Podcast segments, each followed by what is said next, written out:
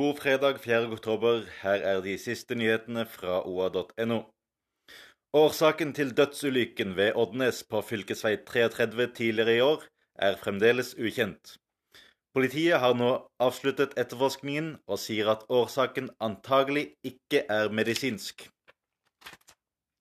Stian Strand Molstadkroken fra Gjøvik sa opp toppjobben i Skattum Handel uten å ha noe å gå til. Det ordnet seg imidlertid for 44-åringen, som nå har fått jobb hos gamlesjefen i investeringsselskapet Skattum Holding. Dette er bare trist, sier Magnar Bjørnrud, leder for Eina SK Fotball. Torsdag kveld ble det oppdaget omfattende hærverk inne i Eina-hallen.